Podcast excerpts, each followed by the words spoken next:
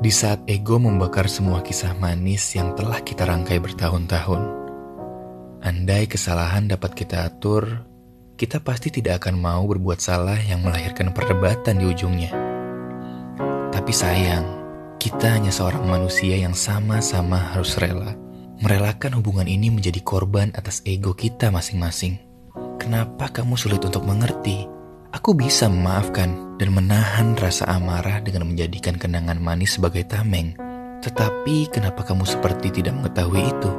Apa sulit bagi kamu mengerti akan perjuangan seseorang yang berusaha membuat senyummu terjaga setiap hari? I could lie, say I like it like that, like it like that. Pukul 2 malam.